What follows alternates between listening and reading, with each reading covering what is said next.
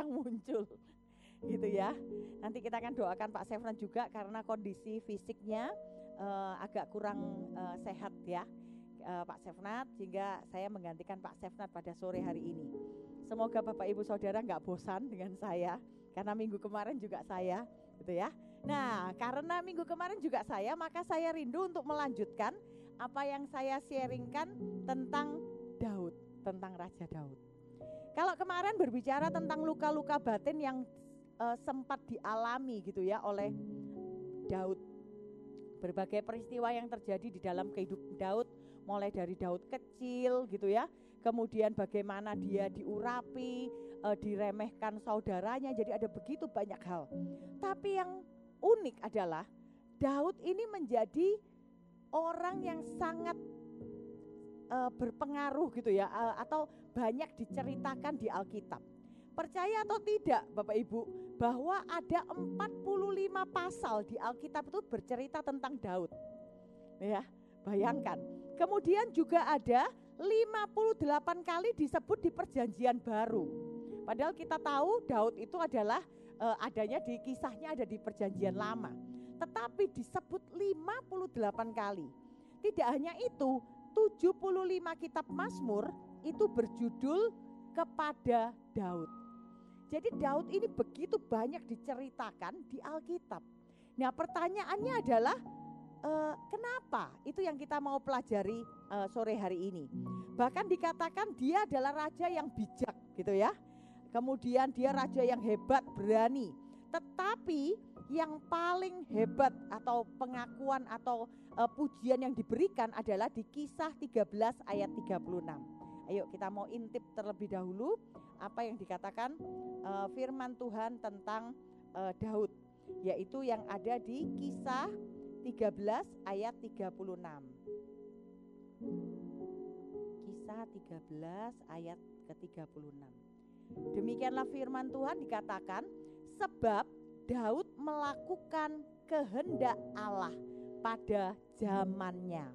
Lalu ia mangkat dan dibaringkan di samping nenek moyangnya dan ia memang diserahkan kepada kebinasaan.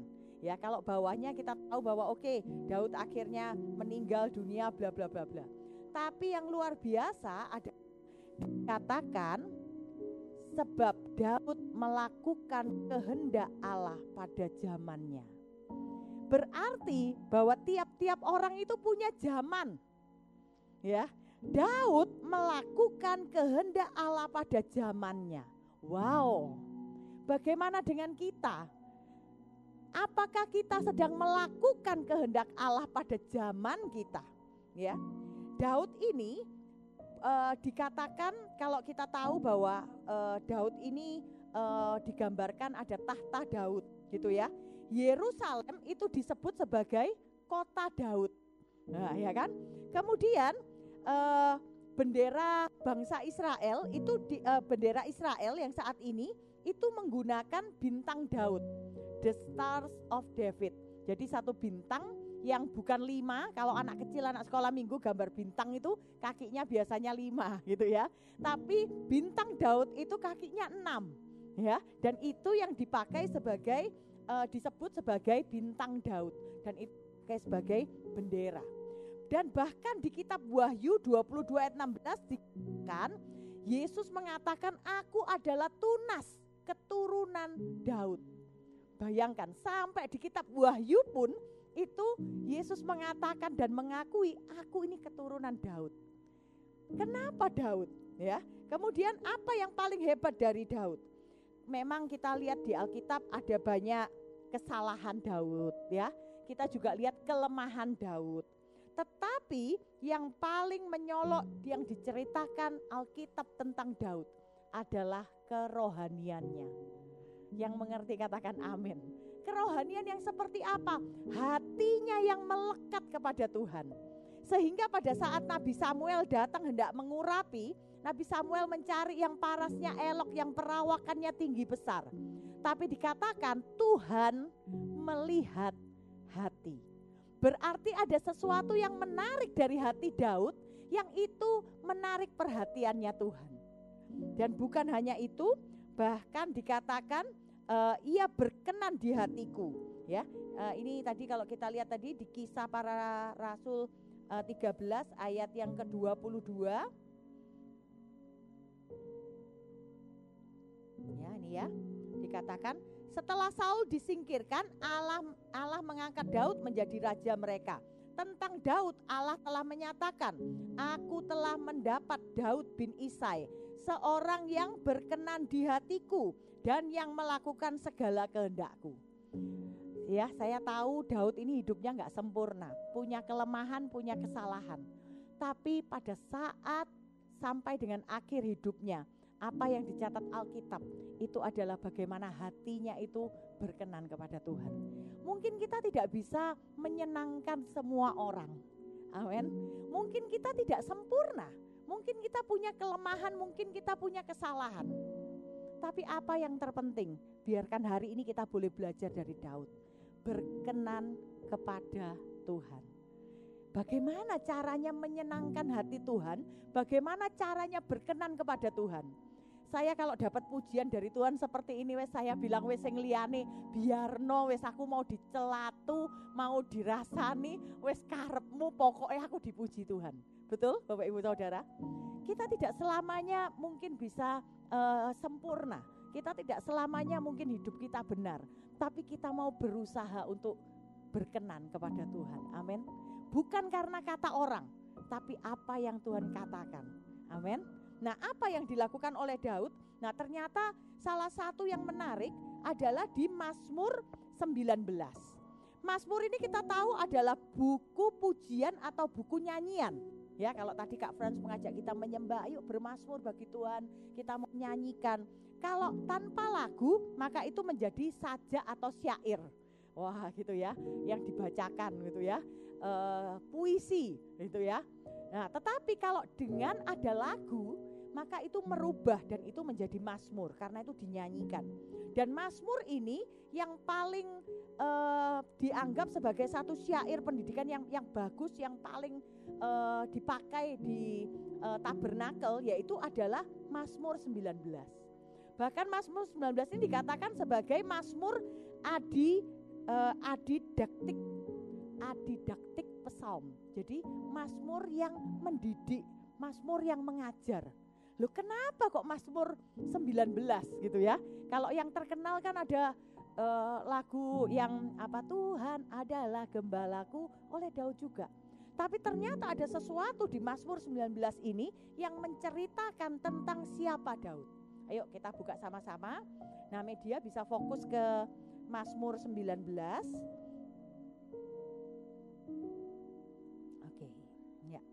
Mazmur 19 ayat 1 sampai 6 ini adalah menceritakan tentang kemuliaan dan kebesaran Tuhan ya. Bagaimana cakrawala menceritakan langit menceritakan kemuliaan Tuhan cakrawala memberitakan pekerjaan tangannya kebesaran Tuhan. Nah mulai ayat 7 sampai 15 itu adalah tanggapan manusia atau respon manusia terhadap kemuliaan dan kebesaran Tuhan itu yang diceritakan oleh Daud ya. Jadi kalau kita lihat dari ayat 1 sampai ke 6 itu menceritakan tentang kemuliaan dan kebesaran Tuhan ayat 7 sampai 15 itu adalah tanggapan manusia. Nah, ini yang luar biasa. Tanggapan Daud ini yang benar-benar menarik perhatian buat Tuhan. Ya, saya akan mulai dari yang paling akhir. Karena biasanya kalau di pelajaran bahasa Indonesia itu diceritakan yang paling penting itu biasanya kalau nggak di pertama gitu ya, itu di terakhir gitu ya, pembuka atau penutup. Kalau yang di tengah itu adalah penjelasannya. Ya. Nah, saya ingin mengajak Bapak Ibu Saudara melihat di ayat yang terakhir yaitu di yang ke-15 atau apabila di terjemahan LAI itu di ayat ke-14. Ini adalah yang disampaikan oleh Daud. Mudah-mudahan engkau berkenan akan ucapan mulutku dan renungan hatiku ya Tuhan, gunung batuku dan penebusku ini adalah penutup yang Daud sampaikan setelah bermasmur. Dia menyampaikan apa yang dia ada dalam pikirannya, apa yang dia nyanyikan kebesaran Tuhan tanggapannya. Tapi terakhir dia tutup dengan ini. Mudah-mudahan engkau berkenan akan ucapan mulutku dan renungan hatiku ya Tuhan, gunung batuku dan penebusku. Dua hal ini bawahi ucapan mulut dan renungan hati. Ini bukan sesuatu yang mudah bukan Bapak Ibu. Kalau kita ngomong tentang perilaku, sering kali perilaku kita ya itu melakukan sesuatu yang mungkin uh, apa ya kelihatannya baik. Tapi bagaimana dengan hati kita? Karena ucapan mulut dan renungan hati itu ternyata lebih dalam. Kalau di psikologi kita ada satu ilmu yang dikatakan uh, pohon perilaku, ya, bahwa apa yang kita tanam di dalam pikiran kita itu akan muncul di perkataan. Betul atau betul? Misalkan Bapak Ibu batin, oh ibu gembala tambah gemuk loh, misalkan gitu ya. Maka tiba-tiba secara tidak sadar waktu ketemu saya, Bu, kok tambah seger? Wah gitu ya. Itu dimulai dari mana? Bukan tiba-tiba oh bu saya digerakkan Tuhan mengatakan ini. Enggak tapi karena dimulai dari pikiran ya. Pikiran tuh kalau uh, di dalam firman Tuhan dikatakan yaitu adalah mulai dari uh, hati ya dari pikiran kita hati kita nah itu muncul di perkataan nah kadang di perkataan tersebut kalau itu uh, tidak kita apa ya kita jaga dengan baik, kadang itu muncul di perilaku. Ya, betul atau betul? Nah, lagi-lagi di ilmu psikologi itu ada yang disebut dengan ilmu body language gitu ya. Kita ngomongnya, oh nggak apa-apa kok, nggak apa-apa, ya terima kasih. Tapi kalau tubuh kita, perilaku kita itu eh, tidak sesuai dengan pikiran kita, maka itu akan kelihatan di body language-nya gitu ya. Misalkan waktu ayo silakan makan silakan makan. Oh iya iya. Aduh tapi anu loh saya ini uh, sudah kenyang tapi body language-nya masih matanya jelalatan wah gitu ya. Wah, ini belum kenyang gitu ya. Itulah anak saya. ya, jadi ada body language itu yang keluar. Nah, kalau perilaku itu dilakukan terus-menerus, maka itu akan menjadi satu yang namanya kebiasaan. Betul? Dan kalau kebiasaan ini dilakukan terus-menerus, itulah yang nantinya akan menjadi karakter. Bahkan terakhir kalau karakter kita sering mendengar orang bilang wis karakternya gitu memang wis wataknya sudah memang begitu. Itu akan menentukan nasib. Ya. Jadi bagaimana kalau kita mau merubah nasib bukan karena kita punya orang tua yang kaya atau orang tua yang miskin, tetapi kalau kita mau merubah nasib kita, maka kita perlu melakukan perubahan pikiran. Dari pikiran kita yang berubah, perkataan kita akan berubah. Kata-kata kita itu akan merubah dunia kita. Amin. Bagaimana kata-kata yang positif itu akan merubah masa depan kita. Dari kata-kata tersebut itu akan merubah perilaku kita. Nah, saya percaya Daud itu nggak sekolah psikologi. Tapi kok bisa ya gitu ya? Kok bisa Daud itu mengerti dan setelah dia mengatakan banyak hal di Mazmur uh, di Mazmur 19 ayat 7 sampai dengan 14 di ayat 15 dia bilang gitu. Mudah-mudahan kau berkenan ucapan mulutku dan renungan hatiku. Apalagi berbicara tentang renungan hati. Tindakan yang sama bisa berasal dari pemikiran atau renungan hati yang berbeda. Betul atau betul? Saya bisa melakukan sesuatu bukan karena uh, benar-benar misalkan karena saya ingin misalkan contoh anak saya itu sering tahu gitu. Suatu kali anak saya yang cucu ini jerawatan gitu ya. Nah, maka kalau saya mau menyuruh dia makan sayur, saya akan bilang makan ini supaya tidak jerawatan. Ya. Nah, itu renungan hati saya. Saya padahal sebenarnya ingin mengajak anak saya itu untuk suka sayur. Nangkep maksud saya? renungan hati itu nggak ada yang tahu. Yang tahu hanya kita sendiri dan Tuhan. Daud berani mengatakan seperti ini. Mudah-mudahan engkau berkenan terhadap ucapan mulutku dan renungan hatiku. Bukan hanya yang keluar, yang kelihatan. Bahkan Daud bilang ini renungan hatiku ini koreksi Tuhan. Bayangkan, wow Hari ini saya berharap sebelum nanti kita pulang kita berani berdoa seperti ini sama Tuhan. Amin. Ya, supaya kita bisa benar-benar kita tahu kenapa Daud berkenan kepada Tuhan. Nah, sekarang saya mulai masuk kepada uh, yang di atasnya ya. Bahwa Daud berpegang kepada firman Tuhan. Ya, kalau kita lihat mulai dari ayat ke-8 ya, ayat ke-8 tuh ayat yang ke-7. Ya. Taurat Tuhan itu sempurna, menyegarkan jiwa.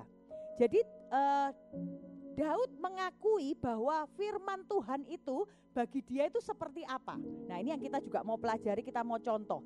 Bahwa firman Tuhan itu sempurna menyegarkan jiwa. Sesuatu yang sempurna, sesuatu yang murni itu menyegarkan jiwa. Ya, contohnya kalau kita misalkan uh, kita lagi uh, ke rumah makan, kita mau pesan es misalkan. Bapak Ibu pilih mana? Jeruk, terus di bawahnya ada pilihan jeruk murni. Nah, yang satunya es jeruk. Pasti nanti Bapak Ibu akan panggil pramusajinya dan bertanya, apa bedanya es jeruk dan jeruk murni? Kemudian pramusajinya bilang, oh kalau jeruk murni itu hanya jeruk saja, tanpa es, tanpa gula. Ya, Kemudian kalau es jeruk, oh es jeruk ini ya ditambahi bu, tambahi es batu, tambahi air, tambahi gula misalkan. Nah bapak ibu pilih yang mana? Hah? Nah tergantung, jangan lihat yang sebelah kanan. Ibu-ibu ketawa soalnya tahu. Biasanya kalau ibu-ibu lihatnya yang kanan. Bapak-bapak mengerti maksud saya? kalau yang kanan itu biasanya kalau yang murni itu mahal harganya gitu ya.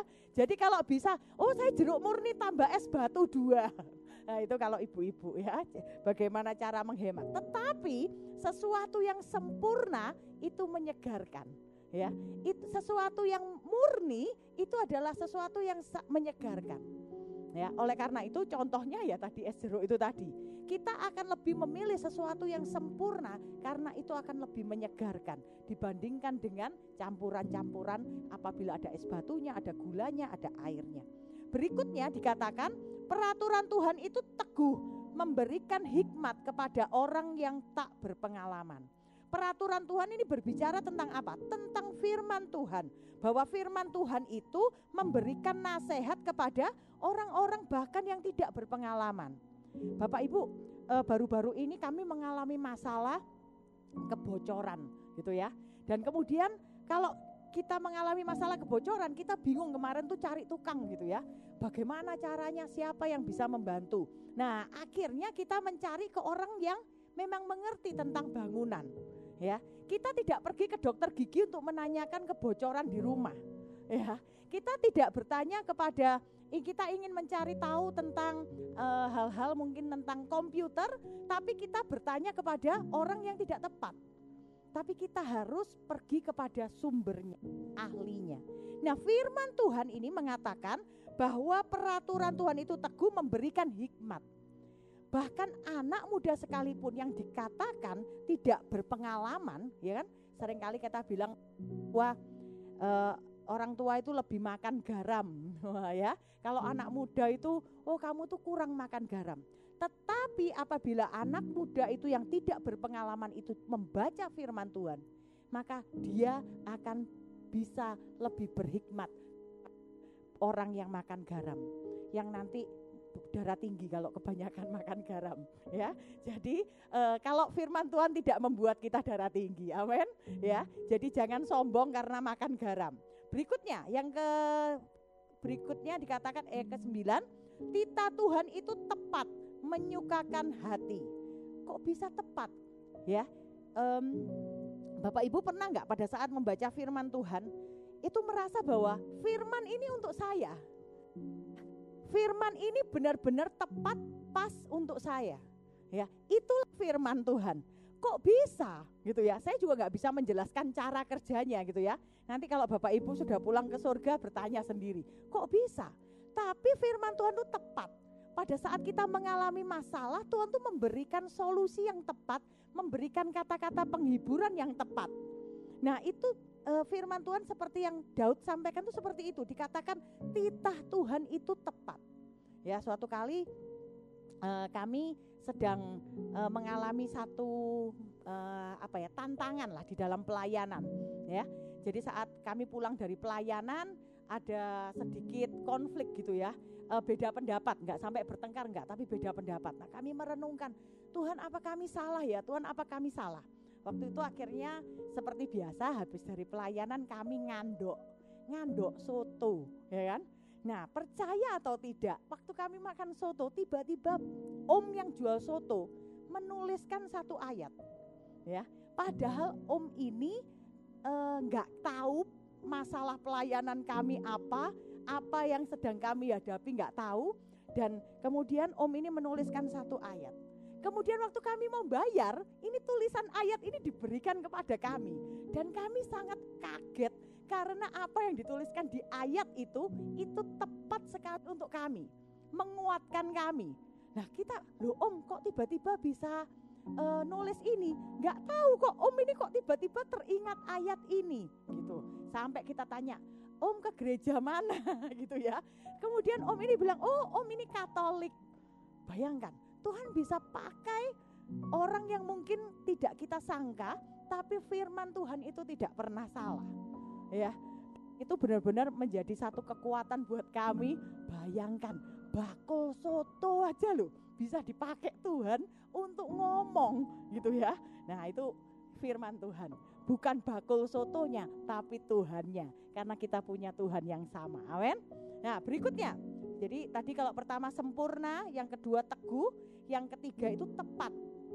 Ya. Berikutnya yang keempat adalah uh, murni. Uh, perintah Tuhan itu murni, membuat mata bercahaya. Ya. Nah, sesuatu yang murni, misalkan emas murni. Coba sekarang kalau misalkan saya bawa satu kilo emas di depan, coba apakah kita tidak akan mata kita bercahaya melihat, wow ibu gembala mau bagi-bagi emas. Misalkan seperti itu ya. Nah, kenapa? Karena sesuatu yang murni itu akan membuat kita itu e, mata kita itu e, bercahaya. Itu akan menunjukkan e, apa bahkan e, itu apa mata yang berbinar-binar dan bahkan dikatakan firman Tuhan itu bahkan menyembuhkan kalau kita mungkin e, terkesiap melihat kalau ada apa sesuatu yang menyilau itu kita kadang sering tutup mata. Tapi kalau yang murni itu biasanya kita akan buka mata lebar-lebar. Ya, makanya kenapa Daud bilang perintah Tuhan itu murni, membuat mata bercahaya. Jadi waktu kita melihat perintah Tuhan itu membuat mata kita tuh terbelalak, dibukakan. Ya, apa sih firman Tuhan itu kayak apa? Titah Tuhan itu seperti apa? Nah, itulah firman Tuhan. Dan yang terakhir dikatakan Takut akan Tuhan itu suci tetap ada untuk selama-lamanya. Hukum-hukum Tuhan itu benar, adil semuanya. Benar dan adil.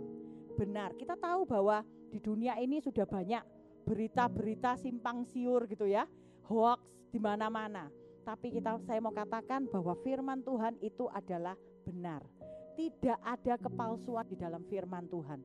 Apa yang dituliskan di dalam firman Tuhan itu adalah benar Bahkan ada yang mengatakan, masa sih, oh ini sudah pernah dirubah orang, ini dimanipulasi, dirubah, diganti dan sebagainya.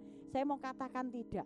Kalau kita tidak mempercayai firman Tuhan sebagai sesuatu yang benar, maka kita tidak punya lagi pegangan. Di dalam dunia ini apa pun permasalahan yang kita hadapi, kita harus punya satu pegangan yang kuat. Dan jangan bimbang.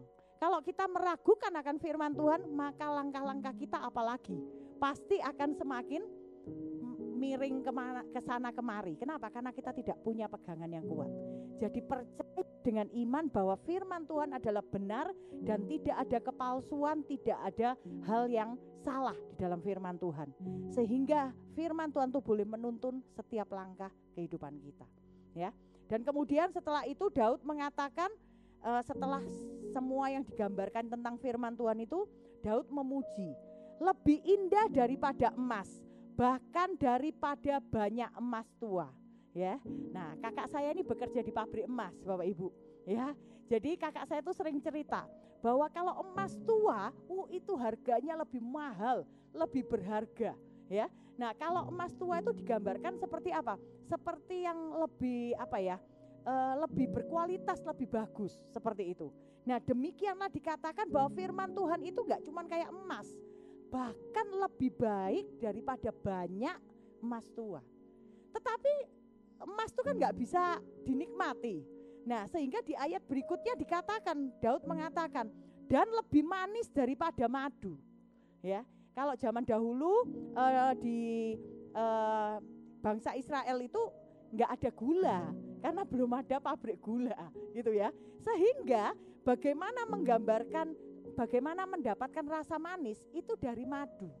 Sama seperti kalau sekarang misalkan dari ada yang disebut gula tebu ya. Nah dari mana mendapatkan manisnya? Dari tebu. Nah kalau zaman dahulu rasa manis itu hanya didapatkan dari madu. Dan madu yang paling bagus dikatakan adalah bahkan daripada madu tetesan dari sarang lebah.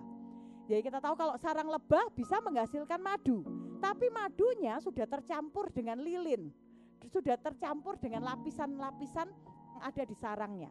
Tapi madu yang menetes itu adalah sesuatu yang murni karena tidak ada campurannya, gitu ya. Netes dari uh, itu dari lebahnya sendiri dan itulah dikatakan dari sarang lebah. Jadi dikatakan berharga dan manis. Itu gambaran firman Tuhan. Ya. Nah, pertanyaannya, sudah pernah coba belum? Sudah pernah merasakan manisnya firman Tuhan belum? Sudah pernah merasakan berharganya firman Tuhan belum? Kalau belum, saya mau ajak Bapak Ibu Saudara, mulai saat ini ayo kita mau lebih lagi mencintai firman Tuhan. Belum sampai di sana, bahwa dikatakan lagi pula hambamu diperingatkan oleh semuanya itu dan orang yang berpegang padanya mendapat upah yang besar. Daud itu bilang, kalau kita hidup berdasarkan firman Tuhan, maka kita tuh selalu diingatkan, selalu diingatkan. Dan bahkan kita tuh mendapatkan upah yang besar. Apa upah kita? Salah satu upahnya yaitu adalah uh, kita itu uh, beroleh tuntunan, gitu ya, beroleh uh, apa? Pimpinan. Sama seperti waktu kita itu hidup tanpa firman, itu sama seperti waktu kita berjalan di dalam kehidupan ini dengan mata tertutup. Kenapa? Karena kalau uh, ilustrasi di sekolah minggu saya sering ceritakan anak-anak kita hidup di dunia ini, Tuhan menaruh kita di dunia ini, tapi Tuhan itu juga ngasih buku petunjuk. Sama seperti waktu kita beli barang elektronik, itu pasti ada yang disebut dengan buku manualnya. Pertanyaannya adalah dibaca atau enggak? suatu kali kami pelayanan gitu ya uh, apa itu uh, pelayanan di salah satu di luar. Kemudian tim kami itu tidak membaca dan mungkin juga tidak membawa buku panduannya. Bahwa listrik yang ditancapkan itu adalah uh, waktu itu harusnya 110 atau 220 begitu. Intinya itu akhirnya salah karena tidak membaca buku manual dan akhirnya terbakar gitu. Jadi akhirnya gereja yang waktu itu mau tutup tahun lampunya konslet gitu ya karena kita menancapkan sempat mati puji Tuhan mereka punya genset. Tapi kita semua pada diem nggak berani ngaku. Ayo siapa yang tadi uh, ini nyolokin nyolokin alat ini gitu ya. Nah seperti itu. Kenapa? Karena sebenarnya ada buku manualnya, tapi buku manualnya nggak dibaca. Bapak Ibu Saudara, manual kita hidup di dunia ini adalah Alkitab, adalah firman Tuhan. Kalau kita nggak baca dan kita salah jalan, jangan salahkan jalannya. Wah, aku dikasih di persimpangan jalan. Wah, aku harus memilih. Ya sudahlah, dijalani saja. Tidak. Harusnya kita bisa berpedoman atau kembali ke firman Tuhan untuk menuntun kita, ya, seperti Daud. Dan yang terakhir dikatakan di sini, eh belum terakhir, masih ada satu lagi um, siapakah uh, berpe, siapakah yang dapat mengetahui kesesatan? Bebaskanlah aku dari apa yang tidak kusadari.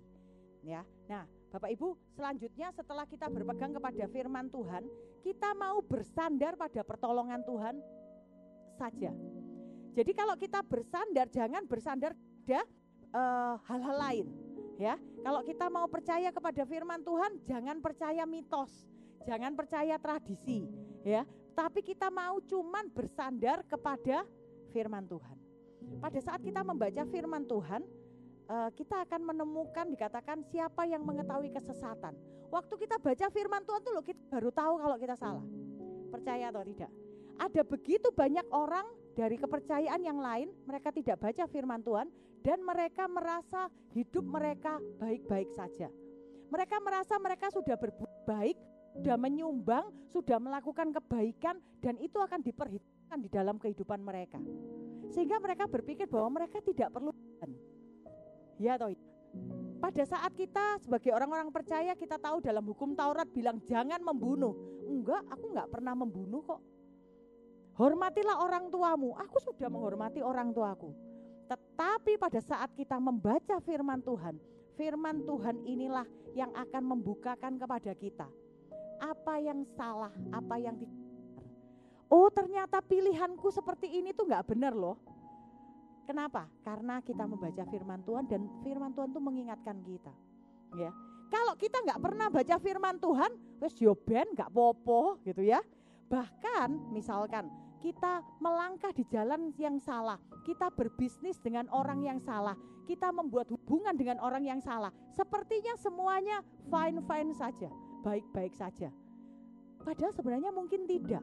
Kenapa? Karena kita tidak kembali kepada firman Tuhan yang merupakan tuntunan kita. Nah, Daud berbicara demikian. Bebaskanlah aku dari apa yang tidak kusadari. Bahkan dari kesalahan-kesalahannya. Bayangkan. Daud berani bilang begini, bebaskanlah aku dari apa yang tidak kusadari. Sehingga firman Tuhan itu membuat memberikan satu kesadaran. Eh kamu salah loh. Eh ini kamu nggak boleh loh. Eh kamu nggak harusnya ini loh di dalam pengambilan keputusan kita boleh mengandalkan firman Tuhan. Ya. Kemudian next, lindungilah hambamu juga terhadap orang yang kurang ajar. Ya. ya kenapa? Karena uh, kenapa um, Daud berdoa seperti ini? Dikatakan karena uh, pada saat kita melakukan sesuatu di dunia ini, sering kali ada pengaruh orang lain ya. Misalkan contoh, uh, saya mau ambil satu contoh ini ya, apa? Menurut Bapak Ibu, minum minuman keras itu boleh atau tidak? Hah? Oke, okay, itu ya. ya makanya saya mau mengatakan ini tuh agak gimana gitu ya. Nah, kita tahu bahwa Tuhan tidak berkenan, betul? Tapi berapa banyak yang ada seorang yang mengatakan kepada saya, loh yang penting kan nggak mabuk. Boleh asalkan tidak mabuk ya. Yang ada di tempat ini yang ngomong gitu ke saya bertobat ya, gitu ya. Nah, uh, tapi kenapa? Karena dia ingin sebenarnya. Karena keinginannya itu akhirnya bertentangan dengan firman Tuhan, tapi masih cari pembenaran. Loh kan boleh minum minuman keras, asal tidak mabuk. Ya, saya mau katakan memang boleh minum minuman keras mungkin pada saat kondisi kita misal kita kedinginan di luar negeri dalam kondisi yang mana mungkin itu uh, bisa menghangatkan badan. Tapi kalau kita diam-diam di Indomaret terus kita meleh minuman keras, ya, nah itu ya sudah bertentangan gitu ya dengan kehendak Tuhan. Tapi berapa sering kita diperhadapkan pada keputusan-keputusan yang salah kan? nggak apa-apa lah, sedikit aja, ya. Atau bahkan mungkin ada teguran firman Tuhan yang menegur kita, terus kita tanya, di mana firman Tuhan berkata gitu? Alkitab ayat yang mana yang mengatakannya? Gitu ya. Misalkan apalagi? Banyak lah, banyak. Saya percaya uh, pada saat kita merenungkan ini saya berdoa supaya Roh Kudus uh, berbicara kepada setiap saudara. Memang tidak ada, misalkan di firman Tuhan dikatakan jangan kok. Yang ada sih di dinding-dinding tulisannya no smoking kan.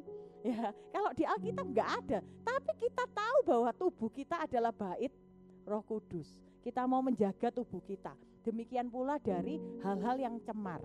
Apa hal-hal yang cemar itu? Dari nafsu, perjinahan dan sebagainya. Ya, maka kita mau tetap hidup sesuai dengan firman Tuhan. Oke ya. Uh, oke, kita sampai di bagian yang ke terakhir yang ke-14 lindungilah hambamu juga terhadap orang yang kurang ajar. Ya sering kali kita mendapatkan nasihat itu dari orang-orang di sekitar kita yang sepertinya baik. Tapi itu kita melawan firman Tuhan. Membuat kita tidak melakukan kehendak Tuhan. Sehingga Daud mengatakan lindungilah terhadap orang yang kurang ajar karena memberikan nasihat-nasihat yang tidak benar Ya, misalkan uh, kita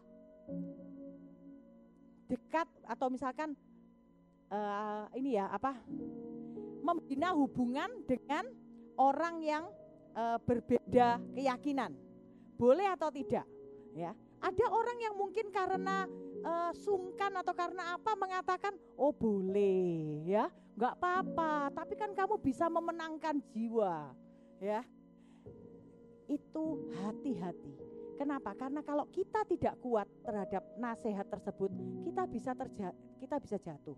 Ya, saya punya seorang teman yang uh, dia uh, berusaha untuk memenangkan jiwa, gitu ya, seorang yang hidupnya sudah berantakan, tapi dia mengorbankan keluarganya sendiri. Dia meninggalkan keluarganya untuk menyelamatkan jiwa orang ini. Pertanyaannya, apakah itu benar di mata Tuhan?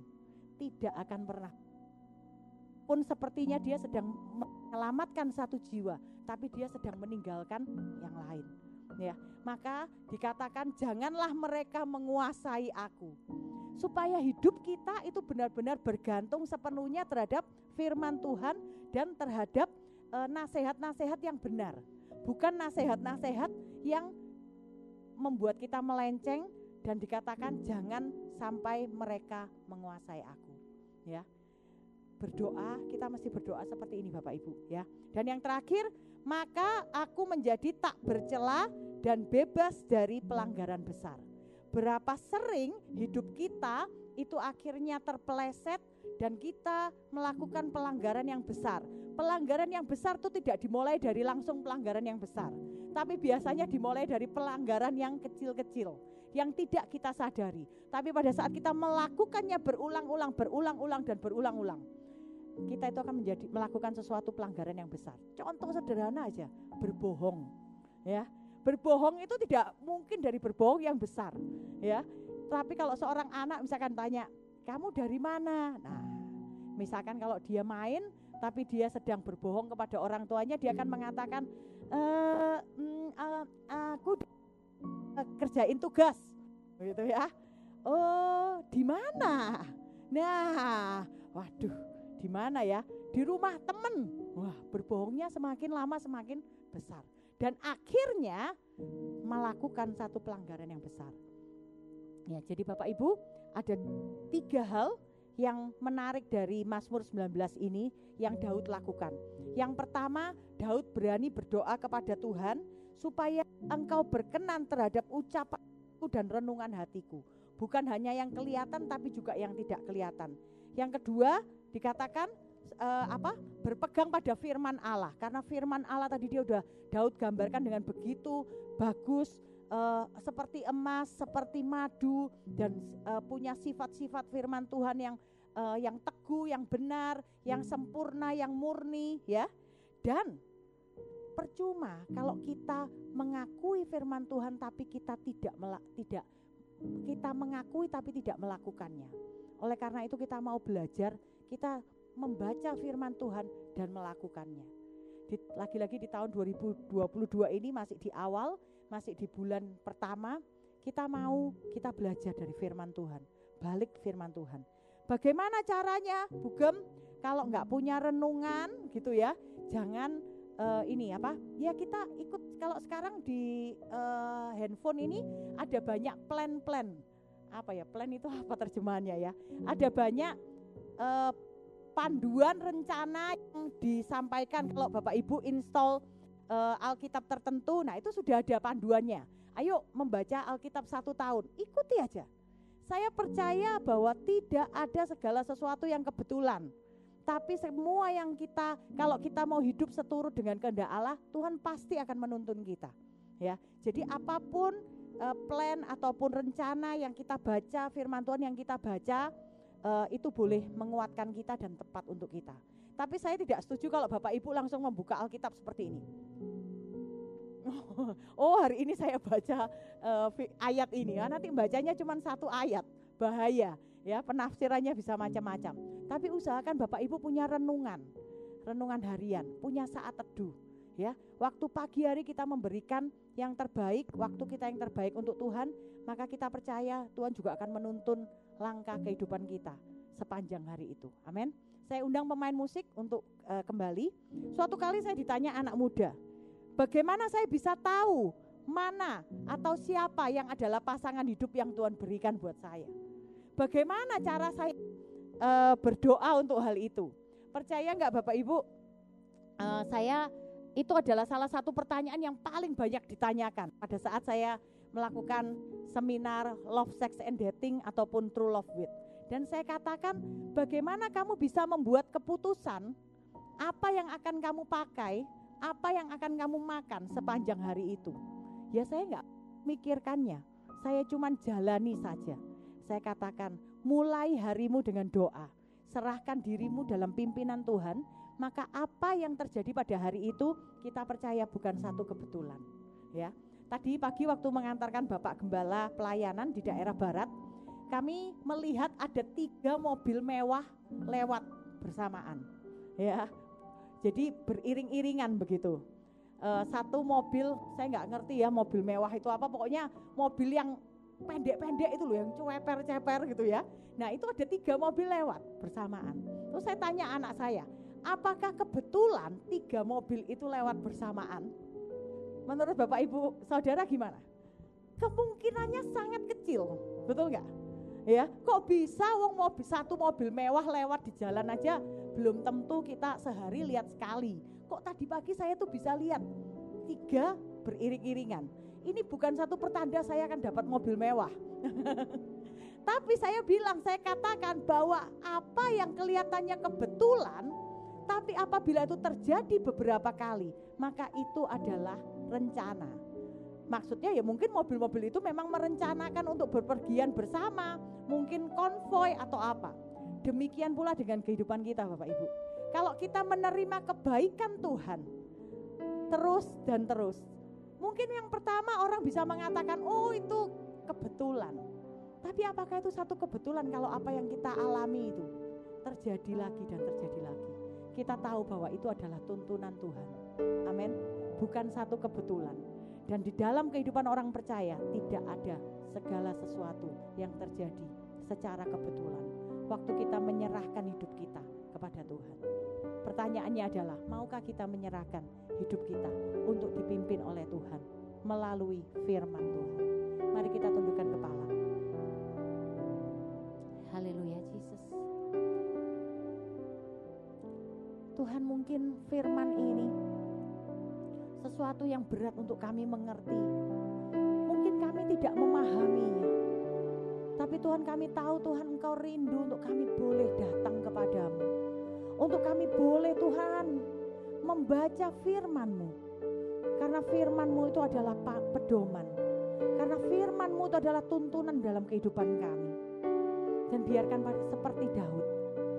Setelah kami membaca firman-Mu, kami boleh menyerahkan diri kami untuk kami boleh mengikuti hidup seturut dengan firman-Mu. Haleluya Jesus. Haleluya Jesus. Bapak Ibu Saudara, mari di awal tahun ini kita membuat satu resolusi. Kita membuat satu keputusan. Kita membuat satu tekad untuk kita mau menjalani tahun ini atas tuntunan Tuhan melalui firman-Nya. Haleluya.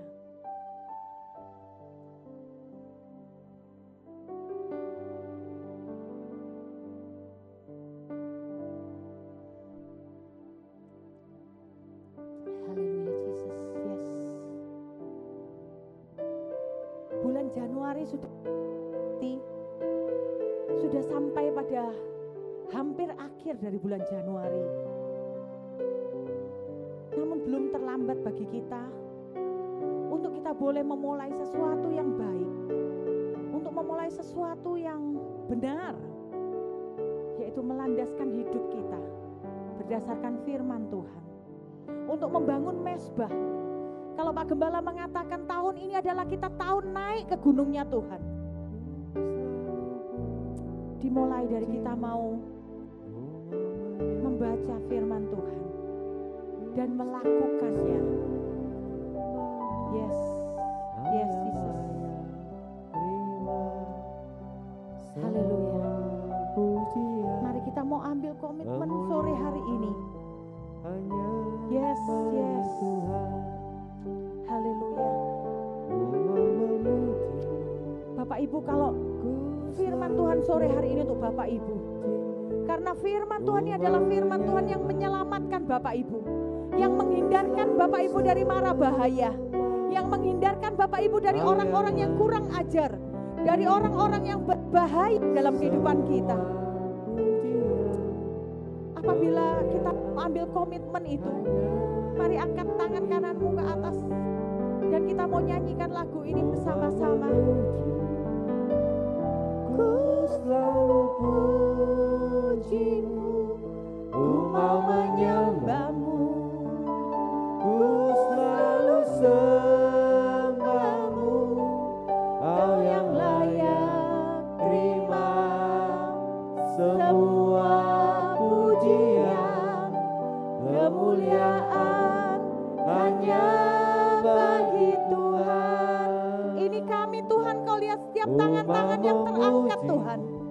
yang di rumah, baik yang di Facebook maupun juga yang ada onsite di tempat ini Tuhan.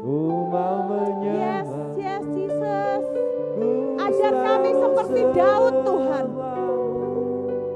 Haleluya Jesus. Daud yang kau puji-puji Tuhan. Karena ia berkenan kepadamu. Ia hidup sesuai dengan kehendak Allah pada zamannya. Sesuai dengan kehendak Allah pada zaman ini. Kami tidak tercemari oleh dunia ini Tuhan. Tapi kami mau hidup sesuai dengan firman-Mu Jesus. Yes. Yes Jesus. Terima kasih Tuhan. Yes. Terima semua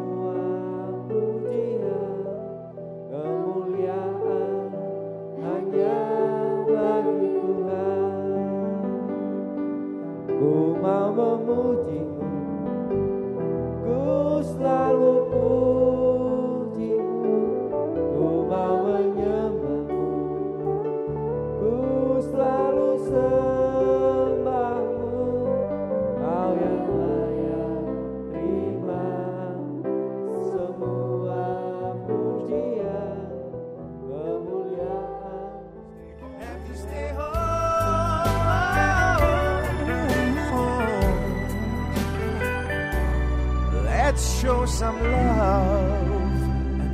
flatten the curve by staying at home.